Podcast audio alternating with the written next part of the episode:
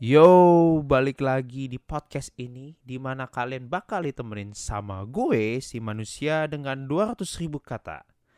Jangan lupa untuk tetap dengerin sampai habis and check this out. Oke, jadi hari ini gue juga kemarin kalau nggak salah minggu lalu gue ada sama bokap gue. Nah kali ini gue bersama dengan wanita yang paling cantik. Dia wanita pertama, bukan yang paling cantik. Yang maksudnya gini, wanita pertama yang paling cantik buat hidup gua. Iya. Ya. Waktu gua ada, gua langsung ngeliat kecantikan dia. Langsung dong boleh kenalin. Halo, saya Meme. Saya nyokapnya Abe. Iya bener ya. Jadi ini nyokap gua. Jadi gua mau ngobrol sama dia. Ini susah banget ya. Jadi eh, sorry juga teman-teman kalau gue juga baru publish lagi, post lagi eh, hari ini karena minggu lalu itu juga ada ujian dan juga ya biasa lah ya waktu nyokap ini susah juga ya untuk bisa record sama dia. Tapi nggak apa-apa akhirnya dia bisa nyediain waktunya juga gitu. Nah hari ini gue mau ngobrol-ngobrol sama dia tentang kehidupannya dia gitu di masa mudanya dia gitu. Bener gak sih mah bahwa masa muda mama itu menyenangkan? Ya kalau dari kecil sih eh papa mama ya biasa lah ya. Mungkin karena dua-duanya orangnya keras, ya sering banyak konflik sih gitu ya. Hmm. Cuma so far kalau soal keuangan ya kita cukup lumayan lah dibilang berlebih tidak, dibilang kurang juga enggak. Ya kalau untuk sekolah, untuk kebutuhan hari-hari so far baiklah good gitulah. Oke, ya karena kan ini beda nih sama papa kan. Kalau papa kan kehidupannya dulu masih kecil kayak kelam Oh. banget kan. Kelam, maksud- maksudnya iyalah gitu. Lebih menyedihkan. lebih menyedihkan. Nah, terus eh, kalau mama ya kota kan lebih baik gitu. Tapi maksud kau gini, apakah eh, mama tuh punya pengalaman juga dulu tentang hal yang apa ya mirip kayak papa lah. Kalau papa kan tentang lebih penyakitnya dia Penyakitnya. dan dia mengalami mukjizat di situ. Nah, kalau mama sendiri ngalamin mukjizat juga nggak sih sebenarnya? ngalamin khususnya ada tahun-tahun di mana satu peristiwa yang sangat kelam banget ya Eh, ingat banget itu eh, sekitar kita memang sih eh, waktu itu kejadiannya setelah mama kuliah sih ya Sudah bukan kuliah ya. ya bukannya Oke. anak kecil lah ya cuma memang itu tahun-tahun yang sangat eh, berat sekali karena pada waktu itu sekitar tahun 94-an lah ya mama posisinya udah semester ke-6 nah posisinya pada waktu itu keluarga berantakan. Jadi eh, papa mama yaitu kakek nenek kamu tuh cerai. Jadi mereka hidup berpisah lalu eh, nenek kamu juga punya banyak masalah di keuangan. Belum lagi mama semester akhir tapi nggak punya uang buat kuliah.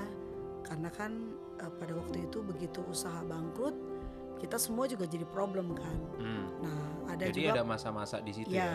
udah gitu paman kamu sendiri juga sama kan eh, kita berada dalam satu toko jadi begitu tokonya bubar gitu ya semua juga jadi bermasalah nah koko juga maksudnya paman kamu juga pada waktu itu juga stres ya jadi memang kehidupannya juga kurang nyaman waktu itu nah adik mama yaitu paman kamu juga yang ke anak yang ketiga juga ada rumah tangga tapi pada waktu itu keuangannya juga nggak kurang gitu baik jadi posisi hari itu tuh secara finansial itu kita runtuh semua ya Oke. Uh, runtuh semua dan dan yang paling menyakitkan di tahun itu juga eh, setelah mama punya hubungan dengan satu pria selama empat tahun itu yang akhirnya harus kandas gitu loh karena Hmm.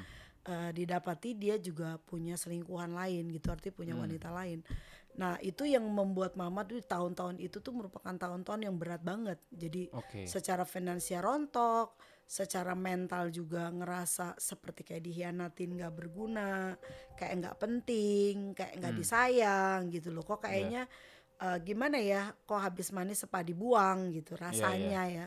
Nah itu membuat kondisi itu akhirnya putus asa. Terus terang putus asa. Terus Sasa, Putus asa. berarti mama juga pernah ngerasain di titik itu ya? di titik itu. Nah, yang parahnya bukan cuma sekedar putus asa aja sih, tapi akhirnya punya keinginan tuh untuk mengakhiri hidup.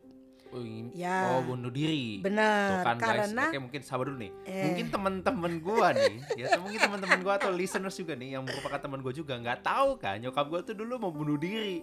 Gua aja baru eh, koko aja sendiri baru tahu itu eh, waktu mama cerita waktu koko udah gede juga sih ya. Dari remaja lah. Iya waktu koko S- eh, SMA lah ya. Bahwa koko baru tahu mama pernah bukain cerita kalau dulu mama tuh mau bunuh diri. Itu gara-gara dulu kita cerita, mama tuh koko inget banget tuh mama tuh kelempar dari bus waktu itu cerita. Apa tuh yang Oh itu Ya, waktu studi- kita lagi study tour ya? Ya, study tour. Ah. Perpisahan Ya. waktu SMA.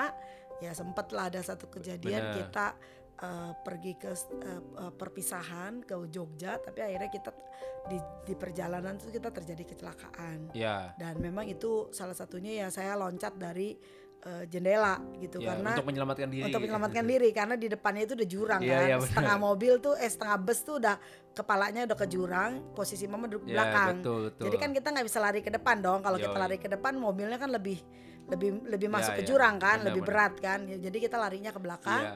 dan pintu belakang itu terkunci gitu loh kalau terkunci mau nggak mau kan ah, harus keluar lewat Iya, jendela. ma- ma- makanya itu Lompat. itu gara-gara awalnya cerita di situ. Cerita di situ sampai akhirnya mama pernah ngomong kalau ya kalau hubungan mama lah pernah lah mama pasti cerita lah tuh dari kecil karena itu kan di masa-masa waktu itu mama cerita itu bangun hubungan sama papa juga kan Iya. di mana ya nanti lu kalian bisa denger lah nanti ah, mungkin ada segmennya nanti di mana cerita eh, percintaan bokap dan nyokap gua ya karena lucu gitu ya Eh, jadi lucu lah ada nanti lah biar lu pada Ya, pena- penasaran yang lah ya. jelas ya kalau yang sekarang itu yang pokoknya yang di tahun 94 itu kan udah udah tahun terkelam lah ya. Ya, tonton kelam. Tapi di situ sebenarnya bokap udah ada. Ada, Dan di situ ada. Cuman gini loh maksudnya eh, gara-gara cerita itu pun itu kan udah sering gue denger. Nah sampai akhirnya berujung pada cerita ini ini yang sempet waktu itu gue sendiri agak shock gitu. Karena gue pikiran bokap eh, nyokap gue memang sebenarnya dari keluarga yang eh, bokap nyokap gue bukan dari keluarga yang baik. Makanya gue sebenarnya bersyukur jadi anak ya. Karena gue lahir eh, dari kedua orang tua yang sudah pulih gitu loh. Yang eh, mengampuni dan akhirnya mereka bisa mengasihi kedua orang tuanya gitu. Tapi ternyata hidupnya mereka tuh gue pikir maksudnya gini loh ya nggak sampai sejauh itu ya. Kalau papa mungkin iya karena kan koko kalau ngelihat ya. ya ngelihat keluarganya aja kan ngerti gitu. Tapi nggak nyangka mama tuh sampai segitu sampai ke sana. Yang koko tahu aja kan dulu pokoknya eh, ada no kalau gue ngomongnya tuh kungkung. Oke kan? Iya. kalau nenek itu popo. Nah gue gue dulu cuma tahu kungkung satu popo satu. Sampai akhirnya gue baru menyadari gue punya popo dua. Ya itu zaman masih ada karena kan dulu eh, kungkung itu sempet di Poris juga Iya, ya kan? iya. sempet di Tinggal dekat bareng- rumah dekat dekat rumah. rumah juga. Dan gue sering dikasih susu kacang kan? Susu kacang gratis emang gue suka gitu. Jadi em, tahu kehidupannya seperti itu akhirnya mama juga mulai menjelaskan cerita. Dan sampai satu titik ada hal yang menarik banget yang gue nggak nyangka nyata nyokap gue ya itu dia ya. Sampai akhirnya ya mama punya keinginan sampai bunuh diri gitu Iya. Karena waktu itu eh, ngerasa gini ya, hidup itu seperti kayaknya udah sulit ya, duit nggak ada, ya Hmm. kan. Mau beli apa nggak punya. Kuliah semester akhir, tapi emang kuliah nggak pakai uang mau pergi kuliah kan. Jadi Iya ibarat kata tuh kayak orang tuh udah lumpuh gitu loh ya. Jadi hidup hidup juga susah, mati juga kayaknya susah gitu loh ya. Nah makanya eh, pada waktu itu memang pernah terjadi beberapa eh, kali percobaan bunuh diri. beberapa kali percobaan beberapa bunuh kali. diri, oke. Nah yang ingat itu adalah waktu naik ke jembatan penyeberangan Mm-mm. ya di Salemba. Nah itu sebenarnya udah mau lompat tuh ya. Mm-mm. Tapi waktu itu mikir kalau lompat udah takut, Iya, deg-degan iya, iya. ya kan. Heeh. Kalau lompat tapi takutnya nantinya cuma cedera, nggak mati gimana gitu kan. Iya Siapa yang mau ngobatin kan? Iya, karena nggak ada duit lagi. Nggak ada duit lagi Iya kan. juga. Siapa yang mau nolong gitu. Udah nggak. Terusnya eh, pernah juga mau in, menabrakkan diri ke mobil. Nabrakin diri ke mobil. Ya, Oke. ya menabrakkan diri ke mobil, tapi mikir lagi, ntar kalau nabrak patah, misalnya eh, hancur lah tubuhnya gitu ya. Tapi kalau nggak meninggal gimana gitu ya. Jadi eh, pernah juga mau minum baygon. Minum baygon. Oke. Ya, minum baygon. Tapi mikir lagi. Tapi mikir lagi, karena punya temen Mm-mm. waktu itu sempat minum baygon bunuh diri. Yang ada bukannya meninggal, ususnya rusak. gitu Iya. loh ya kan karena kan hancur kan kena Iya. baygon itu kan nah jadi hidupnya juga sengsara kan sesudah itu gitu kan Hmm. jadi lama-lama gini ya ya bersyukur juga sih sebenarnya karena takut itu ya Iya. karena di satu sisi eh, pengen bunuh diri tapi Iya. di satu sisi takut neraka Iya, tapi Jadi- iya tapi kayak udah putus asa juga. Iya. Heeh. udah putus asa kesel bingung tapi mau ngejalanin bunuh diri yang enak itu nggak ketemu Iya iya, gitu berarti loh berarti memang ben- berarti gini, kalau koko pikir dulu tuh mikirnya gini, orang yang bunuh diri itu sebenarnya nggak ada takut-takutnya emang. Ternyata enggak ya? Mat- maksudnya ada takut takut. lah iya takut cuman kan begini ada beberapa yang eh, takutnya itu dikalahin mungkin kali ya Hmm. dia nggak peduli lagi kan Mungkin itu itu karena satu titik eh, itu udah udah ya? klimaks kali ya Iya. ya kan udah nggak punya ini kalau kalau mama kan waktu itu masih pemikirannya masih takut nerakanya itu loh Oh, jadi iya, takut masih- neraka Masih ada nera- masih, masih, ada takut nerakanya karena kan semua agama juga kan sama Pokoknya iya. kalau orang yang meninggal eh, sebelum waktunya dan ngambil keputusannya sendiri, ya itu kan bukan dari Tuhan. Iya iya. Kecuali kita meninggal karena memang ditentukan Tuhan kan lain Iya. gitu kan. Ini kan kita tentuin sendiri, berarti Ah, ah. kan melanggar daripada kodrat kan. Betul. Nah itu, nah sampai satu titik udah saking putus asanya, bunuh diri juga udah bingung gitu ya. Nah inilah ya entah gimana ya ini udah kemur kalau mama bilang sih ini kemurahan Tuhan Oke. ya gitu ya. Nah satu malam pada waktu mama menangis, udah bingung ya perut lapar ya nggak punya duit gitu ya. Nah hari itu tiba-tiba seperti ada suara Hmm. ya, seperti ada suara tuh ngomong pada diri mama sendiri. Nah dia Iya. ngomongnya begini, Meme, anakku yang kukasihi, Hmm. ya, aku datang, aku mengasihimu, dan aku mau memulihkan hidupmu. Nah waktu mama dengar suara kayak gitu, ya mama sih meyakini itu Tuhan ya, Iya. karena tidak mungkin ada perkataan seperti itu kalau bukan dari Tuhan. Iya. Nah tiba-tiba mama menangis. Nah mama men- merasakan gini, oh ya mungkin orang meninggalkan ya, pacar bisa ninggalin ya, orang tua bisa ribut lalu cerai gitu ya, bisa nggak peduli karena mereka sendiri juga punya kemarahan masing-masing lah istilah bilang punya persoalan sendiri-sendiri lah, adik punya persoalan sendiri, kakak punya persoalan sendiri gitu kan, ya saudara punya persoalan sendiri, nggak ada yang nolong juga gitu. Tapi mama dengar waktu aku mengasihi kamu, itu mama ngerasa bahwa Tuhan itu sayang gitu loh. Nah kalau Tuhan itu sayang sama mama, kenapa mama juga nggak nggak mau menguatkan hati gitu loh. Nah dari situ tuh jadinya mama berbalik tuh. Nah titik balik ya, titik balik pola pikir berubah. Gak boleh begini terus Iya. ya, nggak boleh mengikuti eh, perasaan-perasaan negatif ya perasaan-perasaan dikucilkan perasaan-perasaan ditinggalkan Iya. nah di situ mama mulai tuh punya harapan nah ini orang kalau eh, orang mau bunuh diri itu karena sudah nggak punya harapan loh Oke. ya orang mau bunuh diri itu karena sudah satu titik udah nggak mau ngapa-ngapain gitu ya tapi waktu mama dengar suara Tuhan seperti itu itu bagaikan seperti apa ya orang tuh kalau haus tuh ya dikasih air gitu. Kan gimana ya rasanya? Dahaga tuh hilang gitu ya rasanya dipuaskan. Nah gitulah kira-kira. Jadi ketemu gitu loh seperti kayak ketemu wah ini dia nih. Nah dari situ berangkat dari harapan itu makanya semester akhir itu nilai IP mama berantakan. Mama itu kan IP-nya sekitar 36 37. Sebelum Oke. semester Pinter nih nyokap gue nih. Ya, beda sama bokap gue nih. ya beda beda beda. Beda, nih. Beda jalur. Beda jalur nih. Kalau Eh, nyokap gue pinter nih, nilainya bagus. Nih bagus. Nah, tapi karena masalah itu kan sempet nggak masuk karena nggak punya uang itu kan sempet beberapa nggak kuliah gitu kan. Ya. Tempat problem udah gitu juga pikiran kan nggak fokus gitu kan. Nah, akhir di tengah-tengah persoalan itu Tuhan akhirnya kasih mama sebuah pekerjaan. Oke. Nah, ketemu pekerjaan, dikenalin sama orang eh kerja gitu ya. Nah, waktu kerja sambil kuliah itu Nah di situ timbul harapan. Ternyata mama bisa lewati hari-hari walaupun gajinya kecil, tapi minimal untuk makan satu hari satu kali, untuk uh, pergi kuliah karena untungnya kan semester 6 sebelum bangkrut itu uh, sudah sempat uang kuliahnya terbayarkan. Jadi prinsipnya hanya kuliahnya saja kan.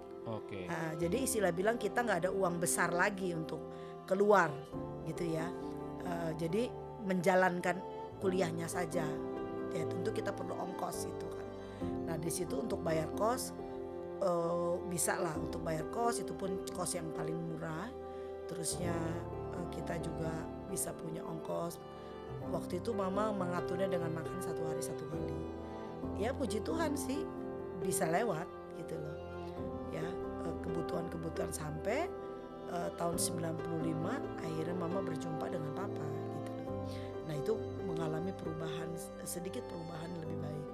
Tapi di situlah uh, tahun-tahun di 94 itu mama melewatinya uh, setelah mendapat pekerjaan itu jadi berubah. Ya kehidupan mulai mulai ada semangat, mulai punya harapan gitu. Oke, nah sabar dulu deh. Sebelum lanjut, berarti gini, ada satu hal yang Koko mau highlight, tapi maksudnya perlu konfirmasi dari Mama juga gitu bahwa uh, sebenarnya yang membuat Mama punya keputusan akhirnya nggak jadi mengakhiri hidup selain takut ya, selain takut gitu. Mm. Itu adalah karena Mama dapetin kasih akhirnya. Betul. Nah kasih yang diucapkan Tuhan. Mm -mm. Jadi entah apa ya uh, yang jelas suara itu jelas sekali ya yeah. dan itu ditujukan kepada mama secara pribadi oke okay. ya jadi tidak ada orang lain di kamar itu kecuali mama jadi mama yakin benar bahwa itu suara Tuhan oke okay. gitu. dan uh, berarti masuk kok gini maksudnya mbak Arti bisa uh, banyak orang yang akhirnya bunuh diri mau bunuh diri itu mungkin karena memang dia udah nggak ngerasain kasih itu. Iya. Artinya uh, ini kan buat mama kan gini, mendengar suara Tuhan seperti itu kan itu harapan. Iya. Ya, harapan mama dikasihi, mama mm -hmm. penting. Gitu loh. Artinya Tuhan menginginkan mama hidup. Iya, ya. Tuhan menginginkan mama baik. Iya. Tuhan punya rencana yang baik. Dia mau memberi mama sesuatu yang indah. Gitu loh. Tapi mama pada waktu itu nggak lihat kan. Iya. Gitu. Karena yang dihadapi mama itu kan penderitaan. Hmm kehancuran sebuah pernikahan dan keluarga. Okay. Ya kan? Semua tatanan sepertinya kayaknya udah berantakan. Ya, mau punya harapan hidup kayaknya udah susah gitu, merasa dihianati, merasa nggak nggak nggak apa ya, nggak layak gitu. Ya kan? Oke. Okay. Oke. Okay. Nah, paling gini. Terakhir aja. Ya, terakhir. Karena Koko berpikir begini. Kalau ada orang-orang gitu misalnya orang-orang uh, di sekitar kita yang mungkin punya uh, pemikiran yang sama gitu ingin mengakhiri hidupnya mereka gitu. Nah kalau dari mama gitu kira-kira apa sih yang bisa kita kerjakan atau kita lakukan gitu untuk menolong orang seperti itu? Karena kan mama sendiri yang pernah ngerasain kan? Iya. Sebenarnya yang paling baik itu adalah orang mempunyai teman. Oke. Okay. cuma waktu itu kondisi mama itu Kenapa sampai akhirnya mungkin Tuhan uh, melihat uh, keadaan mama yang tidak memungkinkan pada waktu itu sampai harus Tuhan sendiri yang harus berbicara kepada mama ya. Yeah. Padahal sebenarnya uh, di sekitar kita itu ada orang-orang juga yang sebenarnya bisa mensupport kita. Iya. Ya, cuma mungkin mama dulu salah karena mama berpindah-pindah tempat. Okay. Sehingga uh, komunitas atau temannya jadi berubah-berubah Okay. Nah, sehingga pada waktu terakhir itu kondisi kita sebenarnya ada teman kuliah gitu ya. Cuman gini, karena itu nggak nggak bisa uh, gini nggak punya teman yang sampai kita bisa berbagi hidup yang dalam. Jadi rahasia-rahasia kedalaman hati kita itu kita nggak pernah bisa berbagi sama orang. Betul. Nah, menurut mama itu yang fatal sih sebenarnya. Jadi orang-orang yang mau bunuh diri itu sebenarnya adalah orang-orang yang sebenarnya nggak punya teman okay. dan dia nggak punya ada orang yang sendirian dia, betul di situ sendirian iya sendirian karena dia nggak ada orang yang merasa eh yang yang dekat sama dia yang dianggap penting oke okay. betul ya yeah. gini kita berteman sama orang lain karena kita anggap kita penting buat dia dia penting buat kita loh iya yeah. ah kalau mama waktu itu nggak ada oke okay. nah itulah yang menyebabkan waktu kita ngalami eh, apa putus asa kita nggak ada yang nolong Oke, jadi kalau koko bisa simpulkan dari apa yang kita bisa belajar dari hidup mama adalah gini. Orang yang cen- kecenderungannya ingin bunuh diri, mengakhiri hidupnya adalah karena dia itu merasa sendirian, tertekan banyak persoalan, tapi nggak ada yang bisa nolong mereka, mereka udah putus asa dan sebenarnya bisa dibilang juga ya ya krisis kasih juga karena mereka betul butuh sebenarnya, butuh ada yang nemenin. Nah, iya jadi kau bisa bilang gini, oke teman-teman listener semua, maksudnya gini, kalau kita bisa berjumpa dengan orang-orang seperti itu yang punya persoalan yang sama, yuk gue mau encourage buat semua untuk kita bisa jadi penolong buat hidup mereka. Simple jadi nolong, bukannya khotbahin, nggak usah marah-marahin. betul Karena mereka juga tahu sebenarnya itu salah. Iya. Nah, tapi yang perlu kita lakukan adalah kita jadi sahabat buat nemenin mereka. nemenin Jadi Nah, komunitas yang baik, komunitas yang benar, yang merubah pola pikir mereka yang lama menjadi pola pikir mereka yang baru. betul Sehingga mereka yang sebenarnya bisa dibilang bisa ngerasain kasih Ya. gitu. Karena gue percaya setiap orang di dunia ini butuh kasih. betul Oke deh, thank you mama oke buat hari ini. Time's up ya. Sangat memberkati sekali dan teman-teman tetap ya stay tune di 200 ribu kata podcast karena masih banyak lagi ya cerita-cerita yang bisa mewarnai hidup kalian.